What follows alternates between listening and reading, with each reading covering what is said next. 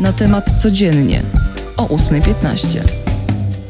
Cześć, z tej strony Magdalena Stokłosa. Mamy czwartek, ostatni, 30 dzień września. To też ostatni dzień na wypełnienie deklaracji w spisie powszechnym. Przypomina o tym Główny Urząd Statystyczny.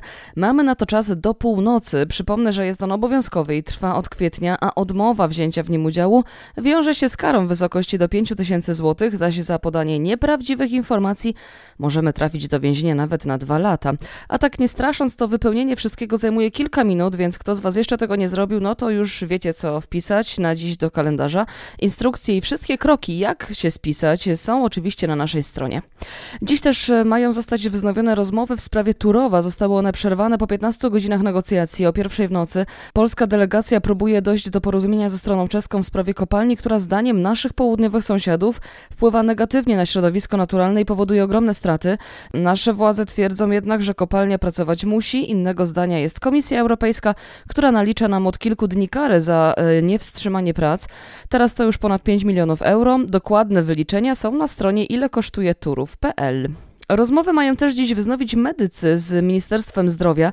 Jak mówią protestujący, chcą usłyszeć nową propozycję, bo te propozycje, które rzuca resort zdrowia, to wyświechtane znane im hasła i obietnice.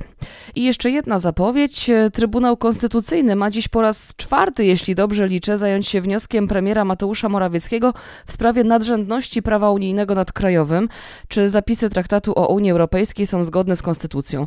Eksperci twierdzą, że to próba przejęcia całkowitej władzy przez rząd i ugruntowania bezkarności za poczynania, między innymi za wspomniany już dziś Turów.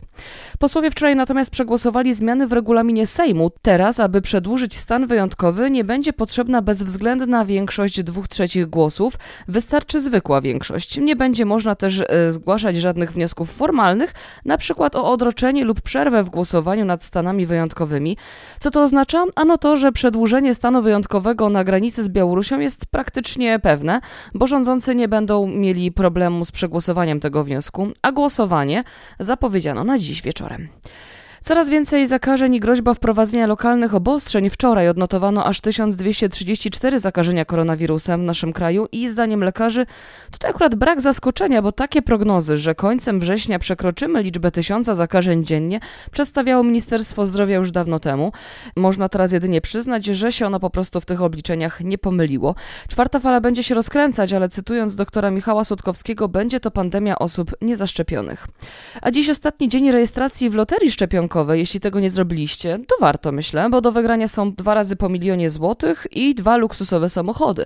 Wartość wszystkich wygranych do tej pory przekroczyła 7 milionów i co ważne, nagrody są zwolnione od podatku. A wielki finał 6 października. Teraz sport i trochę podsumowań i zapowiedzi. Dziś Legia Warszawa zmierzy się z angielskim Leicester City w drugiej kolejce fazy grupowej piłkarskiej Ligi Europy. Początek spotkania na stadionie przy Łazienkowskiej o 18.45.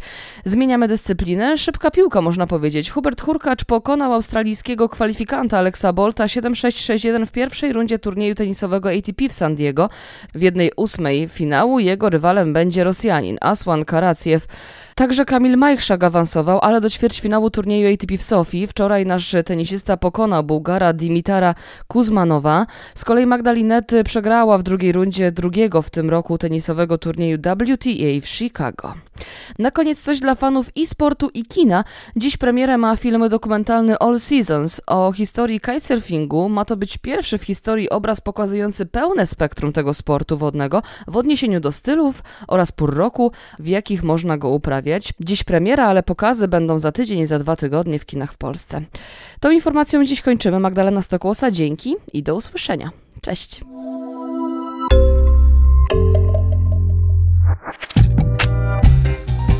na temat codziennie o 8.15.